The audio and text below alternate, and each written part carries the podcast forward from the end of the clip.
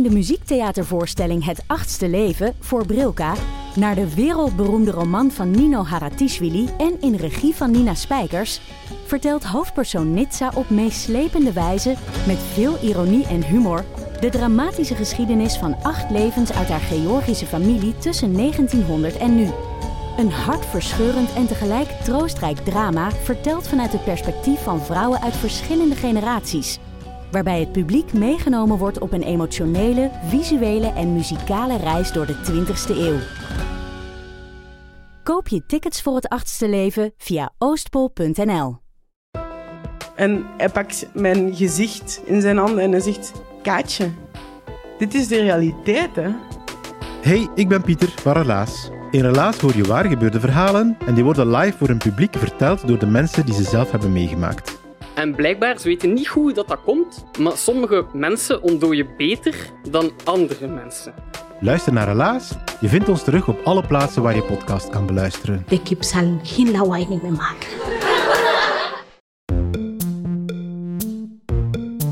Fijn dat je luistert naar Boeken FM, de literaire podcast van de Groene Amsterdammer en Das Mag. Wil je nooit meer een aflevering van ons missen? Neem dan een abonnement op ons in jouw podcast-app. Zo ben je als eerste op de hoogte als wij weer wat nieuws te vertellen hebben. Wij doen ook vreugdedansjes als we een mooie recensie of gouden sterren van jullie krijgen in jouw podcast-app. En je helpt je medemens omdat wij dan ook beter zichtbaar zijn in hun podcast-apps. Zit je met een vraag of heb je opbouwende kritiek voor ons? Mail dan naar boekenfm.dasmag.nl. Ja. Ellen is even aan het mediteren. Nee, ik ben me aan het concentreren, want het geluid vind ik af en toe best slecht. En we hebben ook de neiging. We, kijk, we, we, vallen elkaar best wel vaak in de reden tijdens normale uitzendingen. Maar ik denk dat we er hier even extra waakzaam op moeten zijn. Ja. En want anders vallen mensen weg. Zoals nu.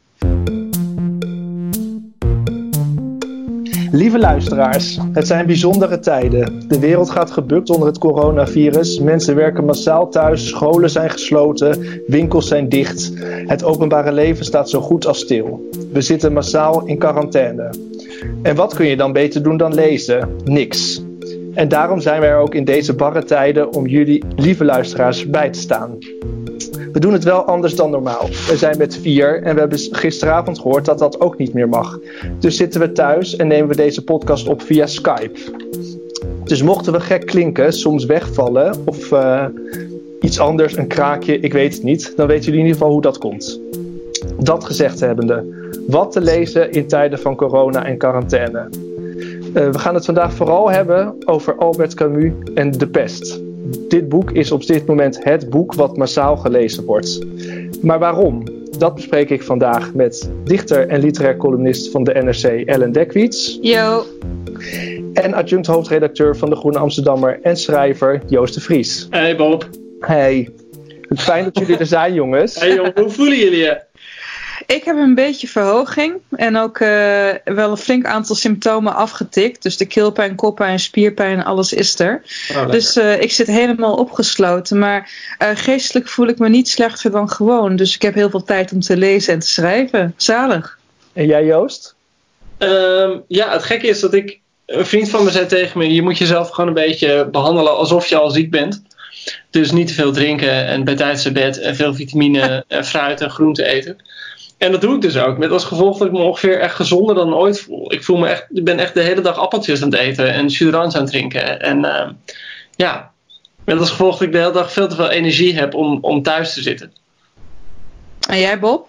Ja, nee, ik voel me prima. Ik vind dat thuiswerken wel uh, saai. Dus dat is het vooral. Het is echt wel uh, verplicht. Ik vind thuis zijn eigenlijk heerlijk, maar nu verplicht thuis zitten, dat vind ik wel lastig. En Zeg, jij woont samen, hè Bob? Zeker. Ja, en, en hebben jij en je partner al een relatiecrisis? Dat gaat je geen reet aan. Oké, oké, oké, oké. Maar het is wel, uh, het is, het is, uh, ik vind, het zijn wel, ook dat vind ik spannend, hè, want je hoort natuurlijk massaal hè, dat er uh, mensen zitten allemaal in kleine ruimtes thuis. En vooral in, in Amsterdam hebben we natuurlijk niet kasten van huizen waarin je echt elkaar de hele dag niet hoeft te zien. Dus het is het is zoeken. Maar, ik denk ook de hele tijd met die quarantaine van hoe moet dat met al die buitenlechtelijke affaires? Ja. Het moet toch vreselijk zijn gewoon. Dat je niet meer je herdensuurtje kan nemen. Even, even ergens uh, op een plek waar niemand het verwacht. Je hebt toch ook gewoon waaghalzen die gewoon wel uh, stoute straat op gaan. Dus op zich. Uh, stoute straat. Ja, ja, maar je kan ook nog altijd je zaad opsturen, hè? Ja, dan hebben de ja. postbodes ook nog wat te doen. Ja. Hey Bob, um, jij, jij werkt nu vanuit huis. Normaal werk je natuurlijk gewoon in de boekhandel. Zeker. we gaan het over de best hebben van Camus. Komt die al, komt die al een beetje binnen bij de boekhandel? Ja, het is, ik, we hebben er echt, hij ging als warme broodjes over de toonbank, om het zo maar even populair te zeggen. Het is grappig om te zien in dit soort tijden dat mensen massaal naar hetzelfde boek grijpen. Het wordt natuurlijk ook overal aangehaald als het boek wat je in deze tijd moet lezen. Ook in Frankrijk gaan er duizenden exemplaren van over de toonbank, staat hij op heel hoog in de verkooplijstjes. Uh, dus ook bij ons en ook in, in het Frans, in het Engels, in het Duits zag ik toevallig voorbij komen en in het Nederlands. En hij is nu zelfs in herdruk. Dus Nederland is massaal Albert Camus aan het lezen. Hmm, wat fijn. En, en jij, hebt, jij hebt natuurlijk Frans gestudeerd. Dus ik ga ervan uit dat jij altijd alle Franse filosofen, alle Franse intellectuelen, alle Franse dichters en denkers ik als de ze, achterkant van je hand kent. Ik ken ze allemaal, Joost. Allemaal. Dus, dus allemaal. Wat, wat moeten we weten van Camus? Uh... Ja, wat, uh, hij is geboren in 1913. Laten we daar eens uh, mee beginnen. Oh, goed begin. Goed begin. Ja. ja. In, Frans, dat is geboren, Bob. Vertel Frans, dat eens aan de luisteraars. Frans-Algerije, Joost. Oh. Ja, dat was toen nog onderdeel van, van Frankrijk. Uh, hij heeft zich uh, snel ontwikkeld als uh, tegen, het, tegen de kolonie. hij werd een linkse activist, maar ook dat vond hij dan wel heel erg lastig. Want hij, was, hij veroordeelde ook heel veel communistische dingen. Hij was fel tegen de Stalin-indoctrinatie. dus hij, werd in, hij was lid van de communistische partij. Hij werd daar ook hè, werd hij als trotskist weggezet en eigenlijk gerooieerd. Uh, en dat heeft ook, hè, hij was goed jaren 50, 60, jaren 50 Parijs, dus Sartre, de Beauvoir. Het waren allemaal uh, vrienden, ze waren allemaal bezig met het communisme vooral. en zijn vriendschap met Sartre eindigde ook omdat ze het niet eens waren over hè, de invulling van, van dat communisme, om het zo maar even te zeggen. Uh, hij heeft uh, zes romans geschreven uh, uit mijn hoofd, waarvan dit wel een, een van de bekendste is. Hij heeft veel filosofisch werk geschreven, gedichten, essays, korte verhalen. en hij hoort eigenlijk heel erg bij het absurd disme thuis, maar daar wilde jij straks nog wat over zeggen. Ja, het existentialisme natuurlijk ook. Ja. Wat mij altijd bijgebleven is, van, of bijgebleven, dat, dat las ik, heb ik echt in verschillende biografieën gelezen, dat hij toch wel werd gezien als de mooiste man van Parijs. Ah. Mensen echt zeggen dat hij zo knap was als een filmster. Dat, ik bedoel, al kijk je naar zijn liefdesleven, dat waren een, een buitengewoon uh, gezellige reeks uh, met uh, affaires. En ja. inderdaad, Ellen, jij houdt hem nu voor de webcam, maar die foto op de achterkant laat dat niet echt zien. Maar dit is toch echt wat alle, wat alle tijdgenoten zeiden. Oké, okay, ja, dat, dat, is ook jammer. Dus Albert Camus wordt compleet geobjectiveerd. Oh ja. Zullen we het over zijn werk gaan hebben anders? Het is wel vaak gebeurd hè, met mannelijke schrijvers. Dat je echt alleen als sekssymbool wordt behandeld. Zo kut. Zo'n punt af van. Heb je ja. zo tekort gedaan. Heb je daar zelf ook last van, Joost? Nou ja, het gaat nu niet om mij. Hè. Nee, uh, het gaat nu ja, gewoon okay. om mij deze keer. Maar ja, maar even op, zeggen op basis hoe die aan okay. zijn eind gekomen is. Oh, hij is tragisch uh, verongelukt uh, in Zuid-Frankrijk in 1960. Dus hij is vrij jong gestorven. samen met zijn uitgever. Zat ja. zo. Ja. Michel Gallimard van de, ja. de uitgeverij, inderdaad. En hij had toen al de Nobelprijs gewonnen. Op zijn 44ste, de Nobelprijs winnen. Dat is altijd wel een goede bucketlist. Hm. Er is nog hoop voor jullie allebei. Ja, we hebben nog uh, een aantal jaar. Goed. De pest. De pest. Um, kun je iets zeggen, Joost, over waarom dit, hè, waarom dit nu zo actueel is en waarom. Uh... Nee, het, ligt, het, stomme is, en ik voel me wel een beetje een sukkel wat dat betreft. Dat volgens mij is eigenlijk echt iets van een maand geleden al, of weken geleden al, in onze WhatsApp-groep van: oh, ha ha ha, corona komt eraan, moeten we niet de pestvlucht gaan lezen van Camus? En uh, dat begint dan als een grapje. En dan langzaam maar zeker verspreidt zo'n virus zich. En tot het moment waarop we ons nu bevinden, dat we in uh, semi-lockdown verkeren. En uh, dit boek eigenlijk gewoon niet te missen is. En daarom voelde je je een sukkel, Joost? Nou, je voelt je een sukkel omdat je het zegt als een grapje. Ja. En je eigenlijk gewoon nog niet helemaal serieus kan nemen wat er aan zit te komen. Maar waarom dat moet is je denk dan... ik de eerste, de meest voor de hand liggende parallel uh, tussen dit boek en de werkelijkheid. En dat is denk ik ook een parallel die wel veel is opgemerkt door de laatste tijd. Het boek begint er gewoon mee als, een, uh, als de dokter, dat is eigenlijk de hoofdpersoon van het boek, uh, dokter Rieu, een dode rat ziet liggen in het trappenhuis. Dan, nou, hij denkt er niet eens over na. Het, het speelt zich ergens af eind jaren 40 in Oran ook, uh, in Frans-Algerije. En hij ziet een dode rat liggen en hij denkt, nou ja, het zal wel. En later komt hij nog een dode rat tegen en dan denkt hij, nou, toeval. En het duurt eigenlijk heel lang voordat alle mensen een beetje in de gaten beginnen te krijgen dat er toch wel heel veel dode ratten zijn.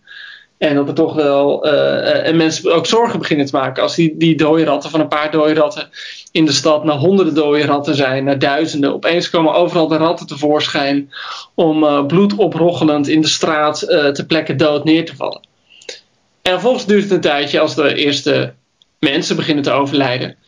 Um, voordat mensen daar een verband tussen zien, tussen die ratten en die ziekte. En uh, dat is denk ik gewoon ja, het, het onderwerp dat nu het meest. Uh, ja, wat nu het meest aangehaald wordt, het meest geciteerd. Dat staat al heel vroeg in het boek, zegt hij dat op een gegeven moment.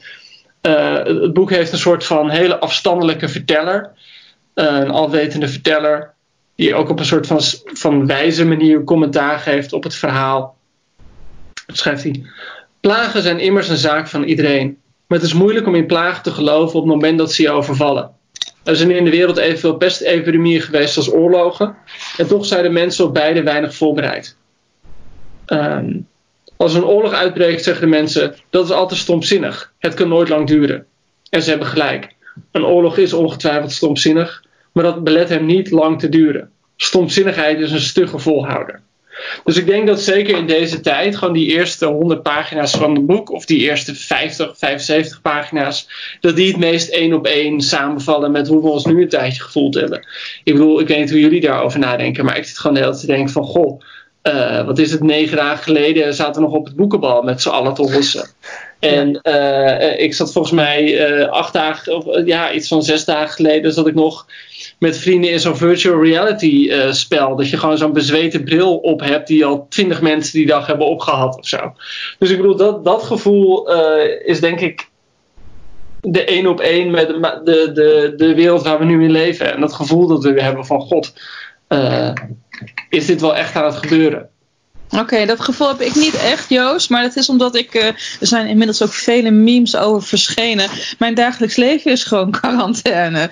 Dus in, om mij heen stort iedereen in. En ik zit gewoon nog steeds op de bank een boekje te lezen en te schrijven. Maar wat ik wel ingewikkeld vind, is het idee dat je bewegingsruimte ingeperkt is. Ja.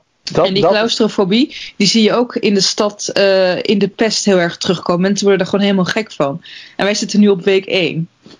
Ja, we hebben nog heel lang te gaan. Dat vind ik, uh, dat vind ik eigenlijk het spannende er wel aan. En dat je niet weet waar je goed aan doet. Ja. Uh, hè, bijvoorbeeld met de winkel, moet je open blijven, moet je dicht. Uh, dat zijn allemaal van die dingen die. Hè, moet je naar de super, ook in de supermarkt. Wat, wat is verstandig? En dat vind ik ook wel. wat in de pest heel erg goed naar voren komt. Dat inderdaad, hè, dat je gewoon. Er worden dingen voor je bepaald.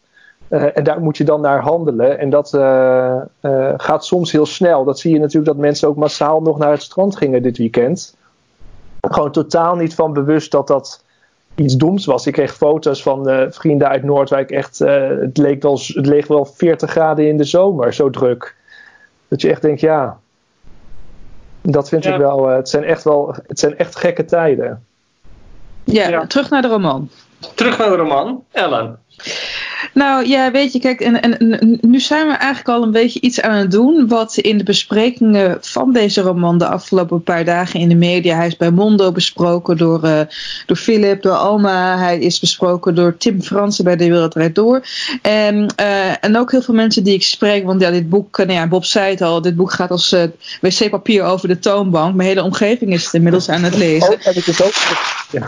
Wat zeg je? Het is ook op, net als het wc-papier. Ja, ja, ja maar handige is wel, jongens, het handige is wel dat als uh, je het wc-papier op hebt en het boek uit, dan heb je weer het probleem van het eerste opgelost. Dat scheelt gewoon een heleboel. Maar uh, waar ik mij een beetje aan stoor in de besprekingen, in een aantal besprekingen dusver van deze roman en ook in een aantal besprekingen van mijn vrienden, maar ik heb ook gewoon irritante vrienden, ik kan niet beter krijgen, is dat heel veel mensen het boek zijn gaan lezen alsof het een soort profetie was. Van, oh, toen reageerden wij ook zo. En toen reageerden wij ook zo. En toen zei een minister ook zoiets doms. En dat is natuurlijk gevaarlijk. Allereerst kan je daardoor valse hoop krijgen. Want, en nou ja, goed, iedereen kent dit boek inmiddels. Het boek zelf loopt voor de overlevers uh, goed af.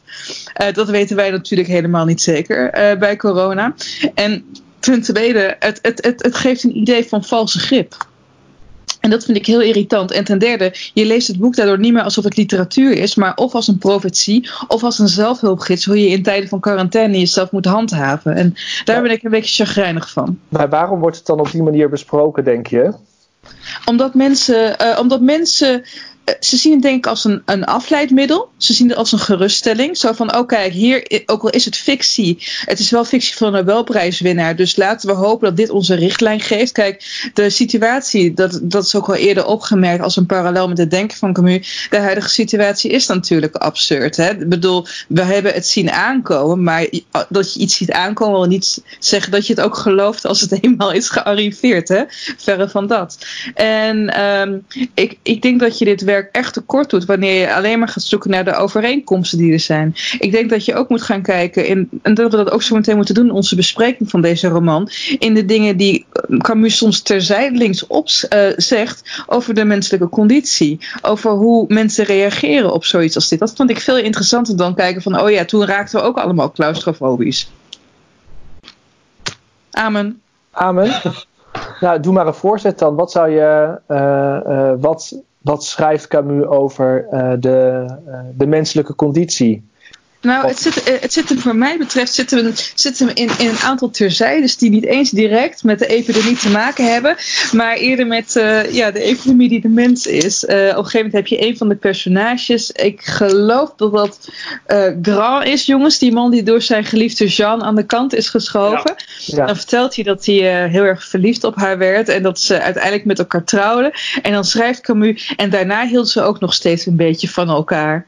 En de kracht van deze roman zit wat mij betreft in dat soort kleine opmerkingen. Of zoals Joost eerder al citeerde, eh, dat dingen stomzinnig zijn. Wil niet zeggen dat ze niet lang kunnen duren. En dat vind ik veel magischer dan het als een soort van uh, blauwdruk over de huidige situatie heen te leggen. Kijk, ik, ik, beleef plezier aan literatuur niet omdat het een fotocopie is van wat er gebeurt of kan voorspellen wat er aan zit te komen, maar omdat het uh, een andere blik toont. Wat vind jij daarvan, Joost? Nou, want eigenlijk maakt Ellen wel een punt dat, dat volgens mij op een gekke manier heel erg aansluit bij. Uh, ja, Ellen, ik zeg het gewoon, geen, geen probleem. Je hebt gewoon een supergoed punt. Nee, volgens mij um, uh, zegt hij iets dat heel erg aansluit bij. Ja, wat volgens mij ook precies de filosofie van Camus was. Uh, Camus behoorde natuurlijk tot die stroming van de existentialisten, die Franse filosofen van na de oorlog. En uh, wat Camus heeft meegemaakt, die was uh, een verzetsveld in de oorlog. En heeft eigenlijk, ja, eigenlijk die hele generatie van existentialisten heel erg be beoordeeld, of beïnvloed moet ik zeggen, door de, de Duitse bezetting van Frankrijk. En uh, die zagen naar het leven ja, als, een, als iets waar je zelf een soort van betekenis in moest vinden. En het probleem is, en daar, daar maakte um, Camus wel een hele interessante wending in, die was toen heel erg een voor man van het absurdisme. En het absurdisme hebben we het niet over uh, Gumba, Gumba-stripjes, maar echt als een filosofische opvatting. En hij zei van het probleem van het absurdisme van het leven is dat we allemaal dat het leven geen doel heeft en dat we toch ons hele leven bezig zijn het doel van het leven te vinden. En dat is volgens mij wat de personages in dit boek heel erg overkomen. En dat is misschien ook wel iets dat wij nu doen door dit boek te lezen. Die pest overvalt, die stad, in uh, zijn roman. En al die mensen zoeken naar betekenis. Die zoeken naar een van, oh, dit komt hierdoor, het komt daardoor, dit gaat deze gevolg hebben. En het is er gewoon niet. Het is gewoon een virus. Het slaat zomaar toe, zoals virusepidemieën door de hele wereldgeschiedenis op onregelmatige, onvoorspelbare manieren uh, hebben toegeslagen. En het hele idee dat je daar betekenis aan vindt, uh, is gewoon te vergeefs. En daarom is het dus een soort van wrange ironie dat wij nu allemaal dit boek aangrijpen om daar ineens betekenis in te zien. Terwijl eigenlijk het hele idee van Camus is. We leven in, het leven is, is een absurdisme. En zoveel betekenis is er niet in te vinden. Nou, Joost, ja, dat is waar. Maar, maar, Camus heeft ook gezegd dat je desondanks wel uh, zin kan geven. En dat, je nee, kunt vast, en dat je jezelf kan vasthouden in het behoeden van je medemens. Ja, kijk, en, dat, dat absurdisme van, uh, van Camus, dat heeft hij het meest uitgewerkt in de mythe van Sisyphus. Ja, ja, ja. Uh, Zo'n klein boek. En, en dan zegt hij van, we leven ons leven, we richten ons leven in met het idee dat we voor onszelf moeten zorgen en dat we morgen er in betere toestand verkeren dan vandaag. Maar morgen brengt je alleen maar dichter bij de dood, want uiteindelijk gaan we dood. Uh, dus, dus waarom zou je je inrichten op, op morgen? En dan komt hij inderdaad met een aantal verschillende modellen hoe je daar dan mee om moet gaan. De mythe van Sisyphus gaat dus heel erg over zelfmoord ook. Van is zelfmoord niet de ultieme uh, wraak op het leven en de ultieme blijf van autonomie? Nou, dat is een heel ander onderwerp waar ik volgens mij ook niet genoeg, goed genoeg in zit. Maar die komt er inderdaad met een aantal van die modellen. En een van die modellen die die heeft is inderdaad het heroïsche leven. Dat je gewoon helemaal niet te veel nadenkt, maar helemaal opgaat in... Uh, ja, het is bijna wat AFTA leven in de breedte zou noemen. Dat aangezien het leven toch maar richting de dood gaat, kan je maar zo beter zoveel mogelijk van het leven meemaken. En uh, zoveel mogelijk doen, zoveel mogelijk mensen helpen, inderdaad ook. Ja, precies, want hij pleit daarmee niet voor een hersenloos hedonisme. Want dat is ook een richting die je, dat is ook een richting die je op kan gaan wanneer je denkt dat alles uh, ja. zinloos is. Het wordt niet een vrijbrief voor maar doen wat je, wat je zelf goed denkt. Hij hamert wel degelijk, ook in Sisyphus, op een verantwoordelijkheid die je naar elkaar toe hebt. En uh, als, ik, als, ik, als ik zijn werk eigenlijk een beetje samenvat, dan zegt hij eigenlijk dat het leven geen drama hoeft te zijn, omdat het eindigt met de dood. En dat vond ik altijd een grote troost die je uit het werk van uh, Camus haalde. Maar goed jongens, terug naar het boek. Ja, want misschien is het uh, uh, goed. Het is, het is een roman in vijf hoofdstukken, delen. en je ziet inderdaad in het eerste deel begint die best zich te ontvouwen. En in het, in het tweede deel, dat is een beetje de situatie waar wij nu in zitten. Of in meer of mindere mate uh, in andere landen zit. De andere landen zijn natuurlijk veel meer op slot. Maar dan gaat, het, gaat de stad uh, op slot en wordt het eigenlijk een soort enorme uh, openlucht gevangenis. waarin ook hè, als mensen proberen, want mensen willen weg, mensen proberen te ontsnappen, worden neergeschoten, doodgeschoten.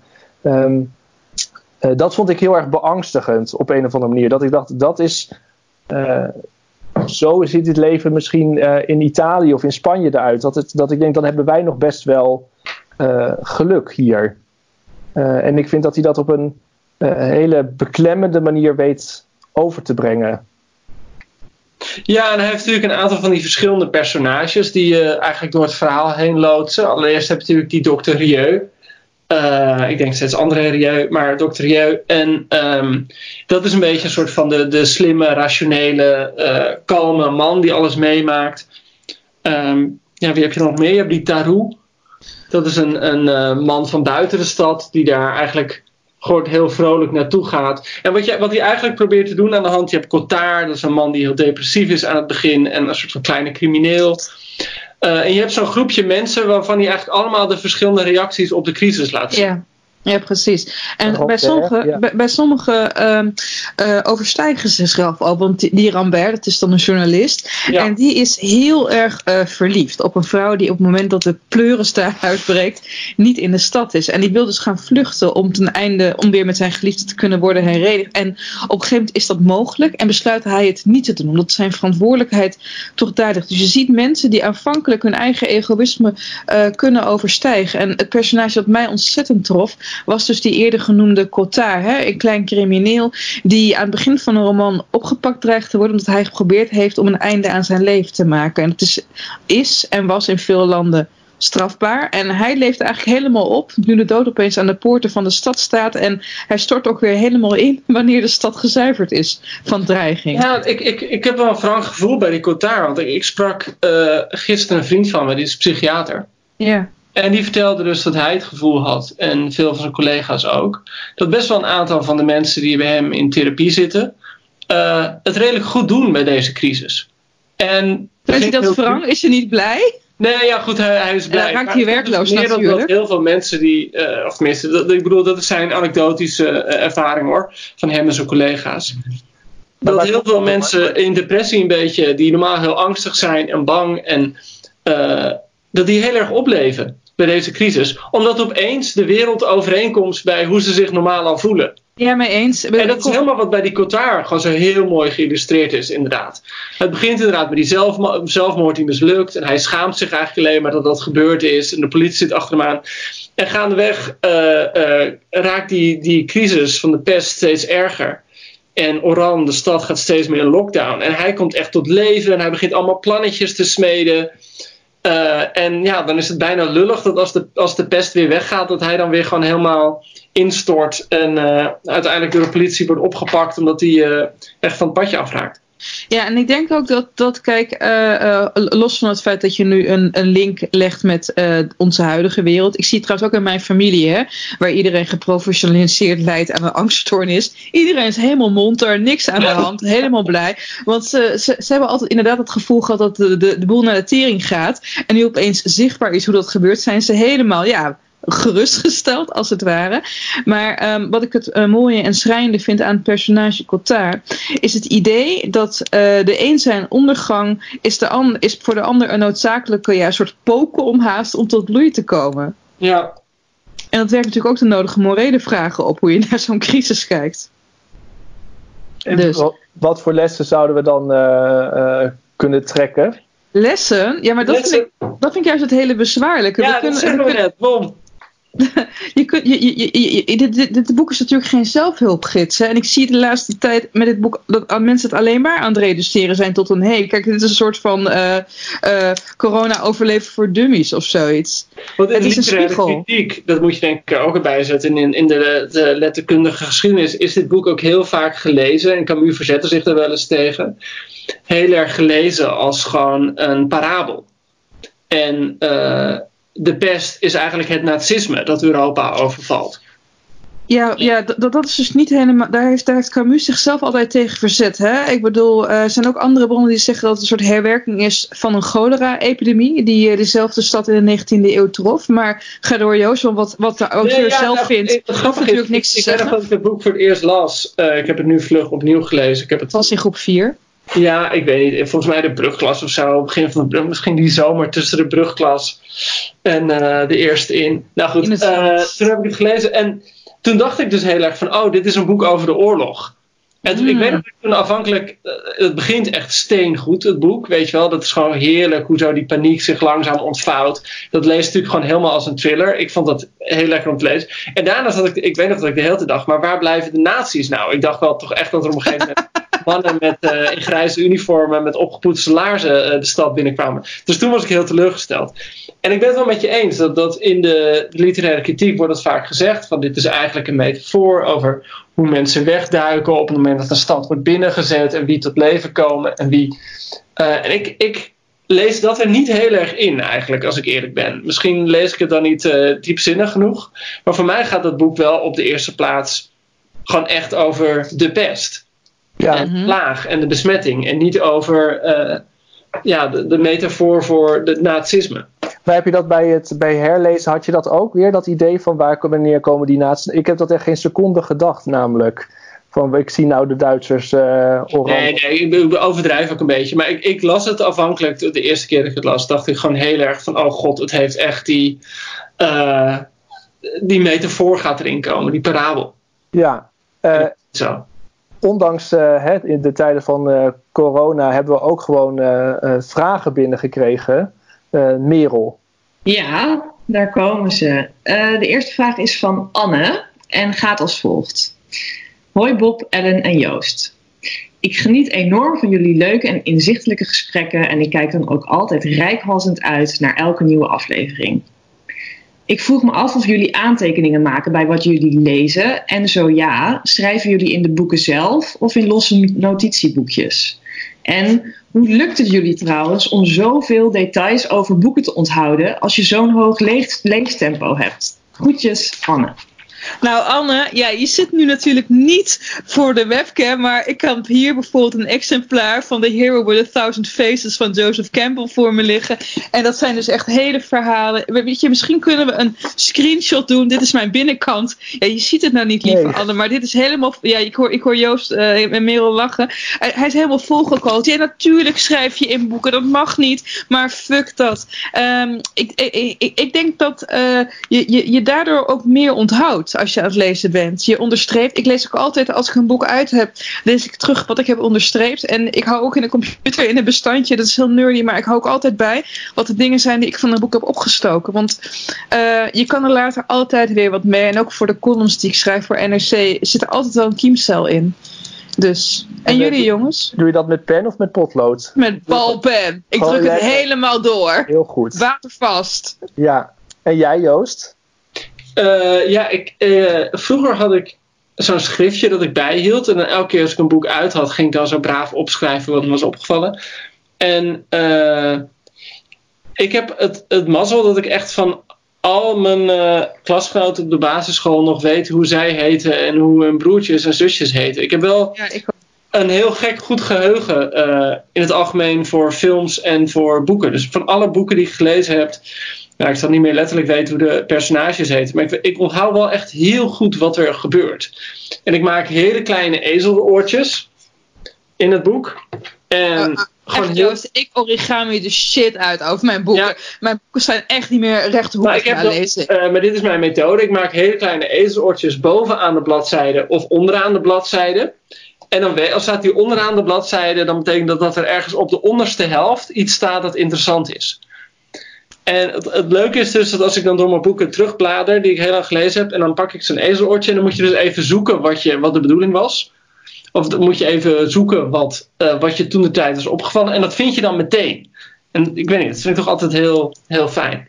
Mm. En jij Bob, schrijf jij in je boeken? Ja, ik schrijf en ik breek ruggen en ik doe ezelsoren. Het is een, uh, een boek moet wel leven. En dat komt pas tot, dat komt het allerlekkerste als je een nieuw boek hebt gekocht en dat je hem dan gewoon even één keer zo, nee. Uh, ja. Nee. Zo. Ik ken zoveel oh, mensen die oh. nu echt gewoon doodgaan door je dit vertelt, Bob. Ja. Ik had nou, bij de een collega, Aard, en die had echt zo de gewoonte om dan aan de redactietafel gewoon zo'n boek te pakken en dan zo waar iedereen bij was, echt zo knak. Ja. Echt, iemand gewoon een katje de nek omdraait. Gewoon. Ja. Ja, het ligt ook wel een beetje per boek, hè? Want zo'n uh, die privé-domeinboek of zo, dat, uh, die laat ik gewoon lekker heel. Nee, echt? Waarom laat je. Ja, omdat die zo'n slappe rug hebben, ja, natuurlijk. omdat het anders echt heel erg lelijk wordt. Doe je oh. bij de boeken van Connie Palme, Bob? Ja, ja. Ga je toch alleen maar gewoon. Daar heb ik gewoon zoveel edities van. Er is altijd, er is één die ik lees en de rest hou ik netjes. Het is heel erg, jongens, maar ik chiropractor echt elk boek. En ik heb dus nu ook, en daar gaan we het misschien zo meteen nog over hebben. Ik heb afgelopen week ook de Decamerone herlezen. Maar bij de boekwinkel, die van Bob, hadden ze alleen die hele chique van Atheneum. Dus die zit ook helemaal onder de ezelsoren. Nou, dat is gewoon totaal. Ja, het is, weet je wel, net Ingrid Betancourt toen ze werd vrijgelaten. Er is gewoon niks meer van over. Arjen Erkel. Oké, okay, volgende. Yes. Uh, beste Ellen, Joost en Bob. En dan komt er een alinea met heel veel lof voor ons. Waarvoor dank. Uh, het viel me op. Ik wil die lof horen. Oké, okay, komt-ie. Zonder grappen. Ik had nog nooit die podcast geluisterd totdat ik Boeken FM ontdekte. Inmiddels dans ik al een tijdje vrolijk mee op de podcast Bandwagon en hebben jullie uiteraard mijn eeuwige onwankelbare trouw. Ik kan uren doorgaan op mijn loftrompet, maar wil jullie luisteraars niet vervelen, dus hierbij mijn vraag slash verzoek. Het viel me op dat jullie bij het bespreken van Ocean Vuong wel geteld één zin wijden aan de kwaliteit van de vertaling. Ja, wel prima, zei Ellen, of iets in die richting.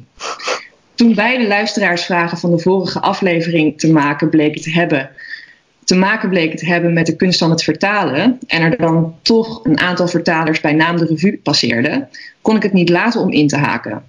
Zouden jullie daar een gewoonte van willen maken, het noemen van de vertaler als die dat verdient? Ere wie ere toekomt. Lebowski heeft toevallig net aangekondigd om voortaan de naam van de vertaler op ieder omslag te vermelden. Times are changing. Lieve groetjes, Matto. PS, hashtag Team Bob.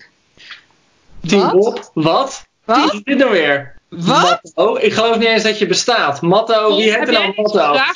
dus Ja, natuurlijk heb ik die vraag zelf ingestuurd. Oké, cool. De pest, zeggen we dan meteen erbij, is vertaald door Jan-Pieter van der Sterren. En volgens mij heel goed. Het moeilijke is altijd met... ehm, Ik heb een andere ik ben het wel met Matto eens hoor, dat het gewoon netjes is de vertaler te noemen. In de groene doen we het altijd eh, expliciet. eh, want je hebt inderdaad ook wel eens dat in, in besprekingen het gewoon helemaal niet wordt genoemd. Eh, het vervelende is, of het vervelende, dat is soms bijna het, het ondankbare lot van de vertaler. Is dat in het ideale geval merk je niet dat er een vertaler is. Ja. En denk je gewoon, dit boek is helemaal hoe het moet zijn. En, en is de vertaling zo goed dat je niet nadenkt dat het vertaald is door iemand. En in het slechte geval is dat er dan inderdaad een woord in staat dat je denkt van, goh, wat gek. Of goh, zou. eh, eh. En weet je, dus, dus de vertaler vaak valt, heeft het ondankbare bestaan dat hij vaak pas opvalt als er een foutje in staat. Of als er een, een kromme zin in staat. Dus, eh, maar, maar ik heb een andere editie. Mijn is vertaald door Willy Corsari. Ehm, Uit welk jaar is die vertaling van jou? Eh, 1948. Zo. Oh. Want hoe, wat is jullie, wat, dat was wel interessant. Wat is, jullie, eh, wat is de eerste zin bij jullie? De merkwaardige gebeurtenissen die in deze kroniek werden beschreven, vonden plaats in 1904 1940 of punt in Oran. Oké. En bij jou? De merkwaardige gebeurtenissen die het onderwerp van deze chroniek vormen, hebben zich afgespeeld in 1940 te, te Oran. Dat is toch heel anders meteen? Ja. En dat vind ik zo'n hele mooie, nu we het toch over Camus hebben. Het bekendste boek van eh, Camus naast de pest is natuurlijk De Vreemdeling. En dat is het verhaal van een man die in een soort van diepe existentiële crisis eh, in Algerije ook zomaar iemand doodschiet op het strand zonder reden. En de eerste zin van het boek, eh, Bob, dat zou je ook kennen, is Mama en mort. Mhm. En daar zijn zo eindeloos veel theorieën over. Het staat me bij dat Barbara van der Pol daar een keer een column over had. Of, of nou op meerdere plekken ben ik tegengekomen. Hoe vertaal je die eerste zin? Want dat woordje mama, dus dat is M-A-M-A-N. Dat is echt zo'n typisch Frans woordje. En het, het wordt, ze bedoelen niet moeder. En ze bedoelen ook niet mama. En je hebt dus gewoon van die ene zin van Camus, die openingszin, heb je al heel veel verschillende vertalingen. En ik bedoel, dat laat alleen al zien van moeder is overleden tot mama is dood. Eh, ehm, dat alleen die ene zin laat al zien hoeveel eh, verschillende vormen vertalingen je op één simpele zin eh, los kan laten. Ja, het is wel, eh, deze vraag wel interessant, want ik zit in de jury voor de Europese Literatuurprijs. En dat is eigenlijk ook een, vooral een vertalersprijs. Dus ik, ik ben nu aan het lezen en dan lees je toch anders, omdat je ook bezig moet zijn met die vertaling. Eh, als het een Frans boek is, kan ik natuurlijk het, of het Engels kun je het origineel erbij pakken, maar iets uit het Sloveens of Ja. eh, dan, dan, moet- dan is dat echt wat het is. Ehm, dus dat vind ik toch, ik vind dat dan ook lastig om te beoordelen. Ik, zat in, ik heb ook een keer in de jury van de Europese Literatuurprijs gezeten, jaren geleden. en met Frans Timmermans. De Timmerfrans. Die konden Dat was- alles lezen. En die had alles, ik maak geen geintje, elk boek in de originele taal gelezen. Oh, wat een, maar hij, hij is dus een hyperpolyglot. Ja, dat was echt bizar was dat. Heerlijk. Ja. Maar, maar eh, Matteo, eh, we, we zullen er rekening mee houden in het vervolg. Ik denk dan wel dat het goed is om te doen. Ook gewoon, eh, ja. Graag verder moeten we niet per se oordelen vellen, misschien iedere keer, maar we kunnen het wel, eh, we kunnen de vertaler wel Melden. Ja. Point taken. Zijn er nog meer vragen, Merel? Ja, nog één. En dat is: Beste mensen, Ellen Moore, heel goed. Ik wacht met smart op die aflevering. Wie is jullie favoriete left field auteur? En is schrijven slash kunst magie? Hartelijk bedankt, Niels. Oké, wie is onze favoriete, laten we zeggen dan maar obscure, obscuurste, meest favoriete auteur? Is dat vermaken, jongens? Ja, vind ik een goeie. Ellen, noem eens. Ja, obscuur. Ze wordt gewoon heel weinig gelezen. Nog Andreas Bernier. Vind ik echt heel vet. Eh, stream of consciousness-achtig. Totaal compromisloos. Ehm, jullie? Ik moet even verder nadenken over deze vraag. Ja, ik ook. Uh, ja, dat is grappig. Je had een tijd geleden had je bij uitgeverij Veen, die geeft van die klassiekers uit. Had je een boek uh, van Clara Lennart. Uh, dat ging Clara Lennart? Ja. Wat een schitterende naam. Ja, twee keer het Boekenweekgeschenk ook geschreven in de jaren 30, denk ik, of zo. Ja, maar zij was toen echt ja. Enorme bestseller-auteur in die tijd. ik had er nog nooit van gehoord, van die vrouw. Maar dat is sowieso heel grappig. Kijk je naar bestsellers uit de jaren 40, jaren 50, literaire bestsellers, dan kom je zoveel auteurs tegen waar je nooit meer van hebt gehoord. Dat is nee. Maar het was zo'n zo lekker boek. Het was mier en mier zoet. Uh, Hoe heette het? Het Huis met de Kaarten. Uh, het is een enorme mooie ode aan Utrecht. Ik vond het echt een zalig boek. Uh, nee, dus ja, Klare Lennart. En ik ben toen gelijk naar een antiquariaat gefietst om uh, het een en ander te kopen. Wat, maar het is heel moeilijk te krijgen. Dus ja, nee, dat, ik zou haar noemen. Oké, en Joost? Ja, ik zat nu te denken, maar ja, hoe obscuur is obscuur? Ik moest even denken aan William T. Volman. Dat is zo'n Engelse of een Amerikaanse schrijver die uh, nog nooit in het Nederlands is vertaald. In Amerika wel zo iemand is die gewoon ja, meedraait, maar nooit echt goed verkoopt. Wel wordt gewaardeerd door bepaalde schrijvers. Echt zo'n. Je hebt de categorie writers writer en hij is meer zo'n writers writer writer. uh, zo iemand die. Uh, en hij heeft één boek geschreven, het heet Europe Central. Dat is echt vuistdik. En dat zijn allemaal verhalen. Het is eigenlijk een, een roman in een stuk of twintig tangvertellingen. Dus dat zijn twee, steeds twee vertellingen die op elkaar, haaks op elkaar staan.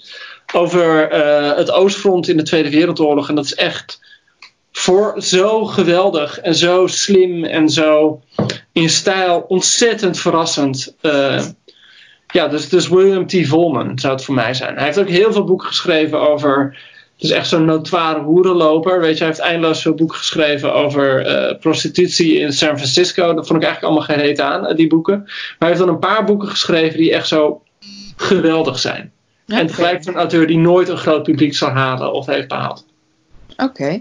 Hey, en dan even over de tweede vraag van Niels. Hè. Is uh, schrijven, of, of Merel stond er lezen of schrijven? Schrijven. schrijven.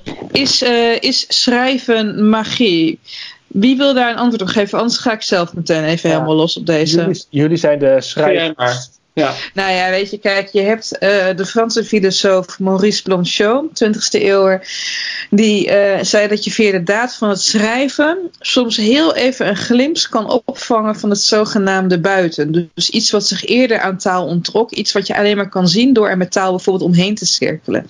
En ik denk dat dat een, uh, een vorm van iets magisch is. Het, het, zien van iets wat je niet eerder zag. Kijk, om nou te zeggen of het letterlijk magie is, dat wil zeggen dus dat je met bepaalde uh, riten of rituelen iets bewerkstelligt in de tastbare wereld of in de uh, psychische wereld van andere mensen, dat weet ik niet. Uh, wat ik wel weet is dat ik via schrijven en ook gewoon via het zelf opbouwen van werelden, via het zelf maken van personages, opeens nieuwe levens heb gemaakt. Als dat niet al te vaag klinkt. En waardoor ik verder kon kijken dan voorheen. Je bouwt eigenlijk dimensies bij. En um, als je dat uh, maar lang genoeg doet, lijkt het ook alsof die wereld die je hebt geschapen ook echt een beetje begint te leven. In de eerdere aflevering had Joost het er bijvoorbeeld over dat hij echt moeite had met het loslaten van bepaalde personages. Dat je echt na het voltooien van een boek denkt van, hé nou oké, waar zijn ze nou? En ik denk dat dat als magie het levensadem inblazen is van handelingen of werelden, dat het dichtst is dat je als schrijver bij magie kan komen. Maar natuurlijk ben ik nu voor Joost aan het praten. Wat vind jij ervan, schat? Um, ja, waar ik even aan moest denken, dat is heel ver gezocht misschien hoor, maar uh, je had Abraham Lincoln, de Amerikaanse president tijdens de burgeroorlog, die gaf een keer de Gettysburg Address, een hele beroemde speech, uh, waarin hij eigenlijk de hele oorlog en helemaal, uh, eigenlijk de hele Amerikaanse staat een soort van nieuwe wending gaf. En er zijn historicus, zijn een keer over hem van, hij zei meer dan hij wist. En dat hmm. vind ik een heel mooi idee van schrijven, wat soms gebeurt. Dat je iets opschrijven waarvan je absoluut niet zou, zou weten van tevoren dat je dat in je had. Dus dat is dan meer een soort van persoonlijke magie. Maar soms heb je wel eens, en, en ik hoop niet dat het ijdel klinkt, want uh, of iets goed is, dat moet iedereen voor zichzelf bepalen. Het klinkt altijd ijdel wat je zegt, Joost, dus het maakt toch ook niet uit. Maar soms heb je wel eens dat ik aan een verhaal zit te werken aan een boek en dat ik dan iets heb geschreven en dat is dan zo goed dat ik dan zelf niet kan voorstellen dat ik het heb geschreven. En of het goed is, dat mag iedereen voor zichzelf bepalen hoor. Zo, zo uh, relativerend wil ik het dan ook wel weer zeggen. Maar dat je dan wel het gevoel hebt van: ik maak nu iets dat ik niet zou kunnen reproduceren. Uh, ik ben minder goed dan wat, wat, er, wat er nu gebeurt of zo. En dat is, dat is een beetje die persoonlijke magie. Dat je soms jezelf heel erg overstijgt. Ja. En soms ook echt het tegenovergestelde hoor. Dat je echt iets schrijft dat je denkt, hoe kan ik, hoe, ik ben toch veel slimmer dan dit. Hoe kan dit zo dom zijn? Mijn geliefde die schrijft ook en die zegt dat hij het, uh, wat hij het meest magische van schrijven vindt, is dat je vanuit niets opeens iets maakt. Tuurlijk. En kijk, ja. via, via praten en ook via schrijven weet je pas wat je denkt. En soms ook wat er in je leeft en wat jou beweegt. Maar dat is inderdaad iets. Uh, ja, we zien opeens onze eigen, onze eigen donkere kamers. Totaal. En dat is een van de gekke dingen met schrijven. En dat is ook het leuke met alle romans en, en boeken die ik tot nu toe heb gemaakt. Is dat er altijd. Het, er gebeurt altijd iets wat ik van tevoren nooit verwacht heb dat er gaat gebeuren. En je komt altijd gewoon bepaalde obsessies van jezelf tegen. waar je van afhankelijk misschien helemaal niet zo op de hoogte was dat je die had. Noem maar eens eentje, Joost. Um, Oh, dat vind ik dan heel moeilijk eigenlijk als je het niet zo, niet zo denkt. Uh, en is het voor jou denk je nog anders als je poëzie maakt, Ellen? Of is dat... Uh... Ja, kijk, weet je, bij, um, bij poëzie... Um, kijk, poëzie is, is natuurlijk voltrekt zich deels buiten het narratief. Hè? Een gedicht kan ook een opeenstapeling observaties zijn die zich in hetzelfde tijdsmoment plaatsvinden. Een gedicht kan een klankspel zijn met, uh, met taal. En uh, het voltrekt zich dus veel sterker dan wanneer ik zelf columns maak of proza. Het, uh, er worden opeens dingen blootgelegd die ik eerder niet zag. Dus, maar ja, goed, kijk, bij poëzie is het ook zo. Kijk, poëzie zit altijd tussen. Een, in poëzie zit altijd een spagaat, voor mij althans. Wat ik zelf probeer te maken, maar ook wat ik goede poëzie vind. Tussen het begrijpelijke en het mysterie. En uh, uh, het, het onthult, maar verhult tegelijkertijd. Wat heel mysterieus klinkt. En daarmee heb ik dus nu ook iets bijzonder poëtisch gezegd. Heel goed, Ellen. Mm, nice. Mm, mm. Krekels. Ja. Uh, ja, ik ben een beetje uit het veld geslagen, jongens, ineens. Krijg We gaan terug. Gaan we terug naar de pest? Of ja. naar de pest. Moeten we het over de pest hebben of gaan we richting... Uh... Nee, ik wil nog even een paar dingen over de pest zeggen. Mensen. We krijgen net uh, trouwens, Merel, ik denk dat deze gaat niet vandaag online, toch, al? Nee. Nee. Oké, okay. uh, ik heb net een mailtje van uh, onze directeur dat we vanaf donderdag uh, dicht gaan. Oh nee. Oh. Ja. Oh. Uh, ja. Echt, jongens, 6 april verschijnt mijn nieuwe boek. Het slaat gewoon nergens op. Dat is echt. Nou, lieverd, de winkel op de Routerstraat en de Martirium blijven deze week nog wel open. Uh, maar ja, wij op het gaan... dat het 6 april is, zijn die ook gewoon dicht. Ja. Ja, heel raar dit. Uh, de, ja, goed.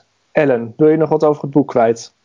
Oké, terug naar de pest van Camus. We hebben het nu een beetje gehad over hoe het iets kan vertellen over. Uh, het, het, kan een blik tonen op hoe, hoe, hoe literaire personages ermee omgaan. Het kan je een afzetpunt geven. Je kan je ertoe verhouden. Je kan kijken hoe je er zelf mee omgaat. En uh, toch waren een paar dingen aan deze roman die ik gewoon best wel irritant vond. En ook heel erg over de top. Kijk, uh, ik ging dit boek lezen. Uh, ik had het nog niet eerder gelezen. Ik heb wel het andere werk van Camus gelezen. Maar deze is er altijd doorheen geglipt. En ik ging het lezen en iedereen zei: Ja, het is een meesterwerk, bla bla bla. Nou, dan heb je al het verkeerde startpunt. En af en toe was ik echt overweldigd door de inzichten die erin stonden. Zeker de inzichten over menselijkheid en het ambiguë gedrag dat mensen kunnen vertonen in zowel noodsituaties als zogeheten beschaafde situaties. Maar er waren een paar dingen die ik echt scheidirritant vond. Uh, bijvoorbeeld op een gegeven moment, soms ligt het er gewoon te dik op. Op een gegeven moment gaat de hele stad, de pest uh, regeert hem al lang, gaat naar een soort opera tentoonstelling over ja, Orpheus. Ja, ja. ja. En dan uh, Orpheus, de, de, de zinger, dichter Bart, uh, zinger, hoor mij nou. Dit is echt, dit is de corona, jongens, overnieuw. Orpheus was natuurlijk in de Griekse mythologie de bard en de dichter die heel mooi kon spelen. En zijn bruid stierf op hun bruiloft, dus hij daalde af in de onderbeeld om haar op te halen. Nou, in het uh, in, Camus' boek uh, is het een opera geworden waarbij de degene die Orpheus speelt halverwege de show ineens stoort en doodgaat aan de pest. Dat soort dingen vond ik ja, gewoon echt te dik bovenop liggen. En weet je wat ik ook heel irritant vind? Ehm, over dit boek is gezegd dat het wel het ultieme boek is hoe mensen in een noodsituatie reageren, hun heldenmoed, hè, hun compassie, ook hun kleinzierigheid. Maar vooral de goede mens steelt eigenlijk de show hè, in dit boek. Ehm, maar bij Camus is de mens niet een mens, maar de mens is een man. Er zitten vrouwen in het boek, maar die, die, die passen in totaal. Die, die zijn of een soort spiegel voor het lijden van de man, uh, of ze, zijn, ze stralen door afwezigheid. Uh, de vrouw van de hoofdpersoon zit in een sanatorium buiten de stad. Dus die mannen worden zelf nog edelmoediger en martelaarachtiger doordat ze hun vrouw moeten missen. Als er iets gebeurt in een scène waarin een vrouw bij is, dan is ze of een hoer, of ze is heel dweepzuchtig naar haar zoon. In dit geval de moeder van dokter Bernard Bernard, uh, of sorry, dokter Rieu, maar zijn voornaam is Bernard, vandaar dat ik het zeg. Uh, kijkt hem af en toe een beetje moeilijk aan, zodat hij, Bernard verder kan praten en moeilijk kan doen. Dus de vrouw bestaat helemaal niet in dit boek. Dus eigenlijk heb je een roman gelezen over hoe mannen omgaan in de, in de literatuur. Witte, man, witte, mannen ook nog. Uh, ja, oh ja. Er zit echt eigenlijk ook totaal geen. Ja, het zijn Pied Noirs, hè, dus dat, dat weet je niet. Uh, maar ik ben het wel met Ellen eens. Maar juist, ju juist Pied Noirs waren wit, ja. Joost. Ja, maar dat is nou ja, goed, dan moet je dat eens in Frankrijk zeggen. Uh, daar werden Pienards dus weer als zwart behandeld. Ik bedoel, nou goed, een hele andere discussie. Maar ik ben het wel met Ellen eens. Op de eerste blad, of op de tweede bladzijde staat een zin die me meteen opviel. Dan heeft hij het op zo'n uh, abstracte manier, schrijft hij. Onze stadsgenoten werken hard, maar louter en alleen om rijk te worden. Ze, identificeren, ze interesseren zich vooral voor de handel en houden zich in de eerste plaats bezig met, zoals ze zelf zeggen, zaken doen.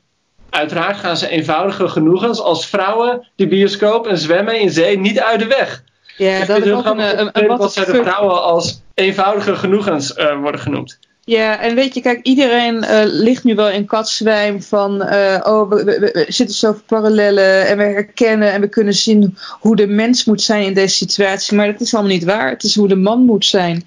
En dat, dat, dat stoorde mij gewoon echt gigantisch. En ik vond het ook, ja, uh, je, je kan misschien, misschien is het een anachronistische lezing, maar ja, je, je, je, eh, eh, ja, op een gegeven moment dacht ik ook op een gegeven moment van ja, laat maar. Want de, de, de situatie, de crisissituatie die wordt geschetst in dit boek, is eigenlijk ook een situatie waarin mannen heldje kunnen spelen.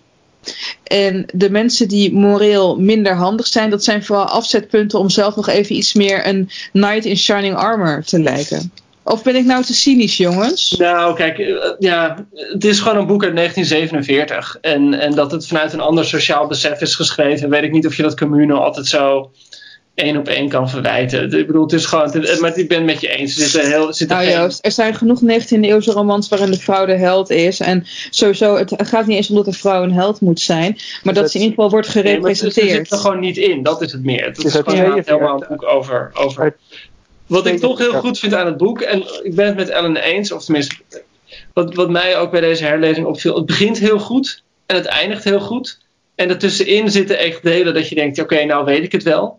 Ja. Al moet je daar dan weer zeggen van ja, dat is ook het idee van de pest. Daar maakt hij ook meerdere keren opmerkingen over. De pest is heel saai. Een quarantaine is heel saai. Uh, tijd wordt je vijand. Wat ik dan toch wel weer heel knap vind aan het boek bijvoorbeeld, is dat een van de hoofdpersonen, Tarot, uh, is een van de laatste personen die overlijdt aan de pest. En in het boek zijn er al duizenden mensen overleden. Uh, zoveel dat je er niet meer eens op let. Weet je wel, weer dood erbij, weer dood erbij. En dan toch dat aan het einde die Tarou sterft na een lang ziektebed, een heftig ziektebed. Dat toch die laatste dood wel heel mooi beschreven is en heel ontroerend is. En um, ik weet niet, dat, dat vond ik toch het knappe dat hij uiteindelijk, zelfs aangezien het zo'n boek is waar met zoveel abstractie over de mens wordt geschreven en over de samenleving wordt geschreven, dat dan op het einde toch gewoon die menselijkheid weer terugkomt. En dat dat individuele lijden ook weer zichtbaar wordt. Mooi ja, ja, mooi gezegd. Ja, ik vond, ik, ja, ja, het, uh, ja, ik, ik, ik vond niet Roe een van de weinige echt sympathieke personages. Um, ja. uh, en een van de meer levende personages. Maar wat ik, ook, wat ik ook heel mooi vond, je hebt de personage een zekere meneer Grand, wiens grote ambitie is om ooit een roman te schrijven waarvan de uitgever dan zal zeggen, heren, hoed af. En uh, hij doet ongeveer de hele pestepidemie lang over de openingszin, waarbij hij maar struikelt over welke bijwoorden hij moet gebruiken. En dat, juist die ontoerekening en die vasthoudendheid in een tijd die een ramp is, uh, dat vond ik ook heel mooi, omdat daarbij ook het schrijven van boeken meteen weer compleet bagatelliseert. Als het gaat om, uh, om, om leven- en doodsituaties. Dus ja, dat. Maar goed, ja ik weet eigenlijk niet wat we verder nog over deze roman moeten zeggen, mensen. Misschien, wat, uh, wat moeten we dan wel lezen? Wat kun je... Nee, dit moet je sowieso ook lezen. Ik bedoel, Zeker, je valt geen nee. aan als je Camus leest. Maar iedereen heeft het nu al gelezen inmiddels, want het is ook uh, in uh, zo'n zo klassieker die in herdruk gaat, nou dat gebeurt echt zelden. Uh, maar misschien, uh, Ellen, jij had ook de Decamerone Ja, ik heb de Decamerone gelezen. Ja, dat is, dat, kijk, de Decamerone is uh, allereerst... kijk, jullie weten, ik, ik heb het ook al vaker bij boeken even aangegeven. ik vind humor heel belangrijk in boeken. Juist als middel om de schrijnende dingen schrijnender te maken. Maar ook om de boel toch draaglijk te hebben. Kijk, de Decamerone is gewoon een ontzettend grappige verzameling... waarin de draak wordt gestoken met eigenlijk alles wat mensen kunnen zijn en zijn. Waarin ook de heroïek niet wordt geschuwd. En het is een ontzettend mooie taal opgeschreven. En ontiefes grappig. Eh, de, de metaforen. Ik heb de ongecensureerde versie hier. Op een gegeven moment noemt de, noemt de auteur uh, het liefdespel het vrolijke werk van de wolslager. Daar moet je even over nadenken. En als het kwartje dan valt, ben je echt een heel blij konijntje. En um, wat ik ook. Um, kijk, dit, dit, dit boek, uh, ik, ik, heb de versie die door Atheneum is uitgegeven, Polica van Gennep. Uh, daar zit een heel mooi nawoord bij van René van Stipriaan. En die haalt op een gegeven moment publicatie aan, uh, waarin wordt gesteld dat in de middeleeuwen men ook geloofde dat literatuur geneeskrachtige eigenschappen had. En de Decamerone, voor degenen die niet bekend zijn met de plot, nou, een soort een Club Kardashians ontvlucht Florence, waar de shit is uitgebroken en iedereen doodgaat aan de pest. Um, ze gaan naar het buitenleven om daar een beetje op adem te komen om daar niet dood te gaan. Ze nemen, want ze zijn allemaal knetterrijk, ook een hele stapel bedienden mee. Dus ze hoeven geen zak te doen en zo. En ze gaan dan, ja, in die tijd had je natuurlijk geen Netflix en de anticonceptie was om te janken. Dus eigenlijk de enige entertainment wat je had, was verhalen vertellen. En ze gaan verhalen vertellen. En die komen, de, de snedigheden komen je af en toe ook wel de neus uit. Maar uh, ik heb de mens in meer hoedanigheden gezien. In meer contrastwerkingen dan, dan in dat veel meer, ja toch, uh, nu gelezen boek van Camus bij elkaar. Dus ik zou zeggen, pak de Decameron erbij. En als dat je niet treft, uh, wat ik ook onlangs heb gelezen, is Stad in Storm van Thea Beckman. Waarin de stad wordt belegerd. En laat er nou net zijn wat er met de diverse Europese landen aan de hand is. Wij worden belegerd door bacillen. Nou, zullen we het hierbij laten, jongens? Nou, wat ik, wat ik nog verder nog wil zeggen is. Um, of nou ja, ik, uh, zoveel hoef ik ook allemaal niet te zeggen. Joh, wat moet ik nou altijd zeggen?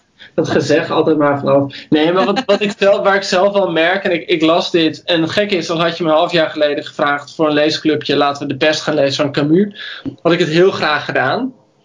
Maar wat ik zelf wel een beetje merk nu. Ik bedoel, corona is zo alom. Ik bedoel, je kunt je mail niet openen, je kunt de tv niet aanzetten, je wordt doodgegooid. Ik vind het ook wel belangrijk voor je mentale uh, toestand om niet de hele dag maar met corona en met ziekte bezig te zijn.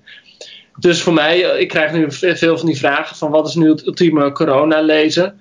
Dan denk ik, ja, voel jezelf ook gewoon vrij om dingen te lezen die niks mee te maken hebben. En ga gewoon voor de twintigste keer opnieuw Harry Potter lezen of Donna Tartt. Of, of de biografie van Patty Bart is uh, verschenen. De, bio, de biografie van Patty Bart is Deze ook van dingen waar je je gewoon lekker bij voelt dat is denk ik eh, een van de beste manieren om goed voor jezelf te zorgen.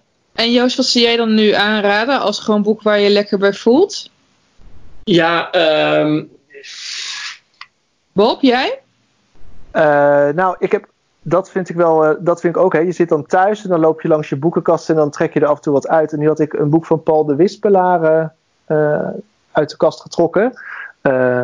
een eiland worden heet het. Ik had het nog nooit titel. gelezen. Ja, het is zo'n waanzinnig mooi boek. Echt de ene zin na de andere werd onderstreept. Ik vind het.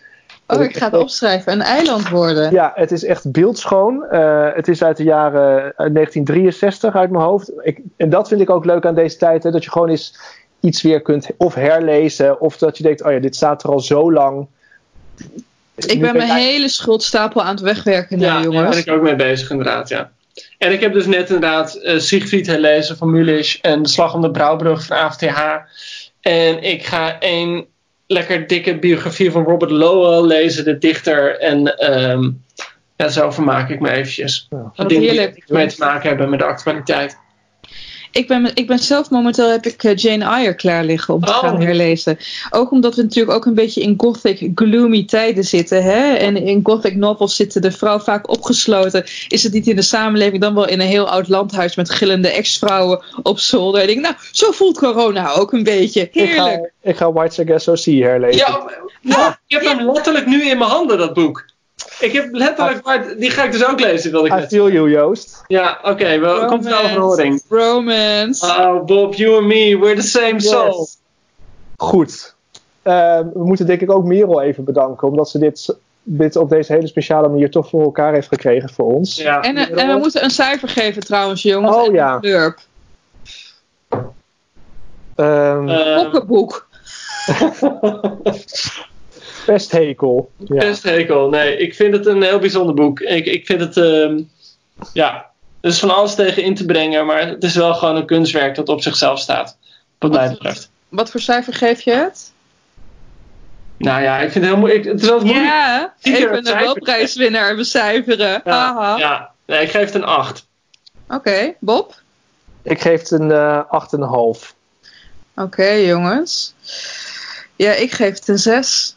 Oké, nou, dan Nou. gemiddelde uit van een ehm 7, eh, Ja, ik zeg even niks. Joost is opeens de valkunus eh, van de... nou, eh, wat is er dan? Een 7,6. Nou, dat is toch een mooi cijfer voor zo'n klassieker. Prachtig, prachtig. Klopt dat, Ellen? Klopt niet, hè? Nee, 7,4, maar het is oké. It's nadenken. oké. Ja. En nog eh, ik, over die vertaling. Ik ben nog. eh, jullie, wat is de laatste zin in jullie vertaling? Ik ben toch wel nieuwsgierig. De laatste zin is... Morgen is er weer een dag. zin ook trouwens. Wat Want zeg hij wist... Eh, nee, ik lees, de- ik lees de hele slotlinie voor. En inderdaad, luisterend naar die vrolijke kreten die uit de stad kwamen, realiseerde Rieu zich dat de vrolijkheid nog altijd in gevaar verkeerde. Want hij wist wat die blije menigte niet wist. En wat in de boeken te lezen staat. De pestbacil sterft nooit uit. En verdwijnt nooit definitief. Hij kan tientallen jaren achtereen blijven sluimeren in de meubels en het linnengoed. Hij wacht geduldig in kamers, kelders, koffers, zakdoeken en paparassen. En misschien komt er een dag waarop, tot schade en lering van de mensheid, de pest zijn ratten werkt om ze te laten sterven in een gelukkige stad. Ja, dat is toch toch echt mooi. anders. Ja. Echt een Hoe is het bij jou dan? Luisterend naar de vreugdekreten die uit de stad opstegen, bedacht Rieu dat deze, blijsta- dat deze blijdschap nog steeds bedreigd werd. Want hij wist wat die menigte onbekend was en wat men kan leren uit boeken. Dat de bacil van de pest nooit sterft of geheel verdwijnt. Dat zij tientallen jaren kan blijven sluimeren in de meubels en het linnengoed. Dat zij geduldig wacht in de kamers, de kelders, de koffers, de zakdoeken en paparassen. En dat wellicht de dag zou komen en dat wellicht de dag zou komen waarop, tot onheil en lering der mensen, de pest haar ratten weer zou wekken en uitzenden om te sterven in een gelukkige stad. hey, weet je wat heel opmerkelijk is? Eh, dat bij jouw versie de pest vrouwelijk is. En in mijn versie de pest mannelijk. Mm. Ja, Ja, discuss. Nou ja, iemand anders mag dat discussen, maar opvallend. nou jongens, dank jullie wel. Dank je wel. Yes. Merel, jij ook bedankt. Ja. Ik hoop jullie binnenkort weer gewoon in het echte kunnen zien. En, ehm, Wees een beetje lief voor elkaar, hè, moet je Ja, dat zeggen. Ja, Oké, dag lievelingen. Dank jullie wel. dikke kus. Dankjewel. Doei.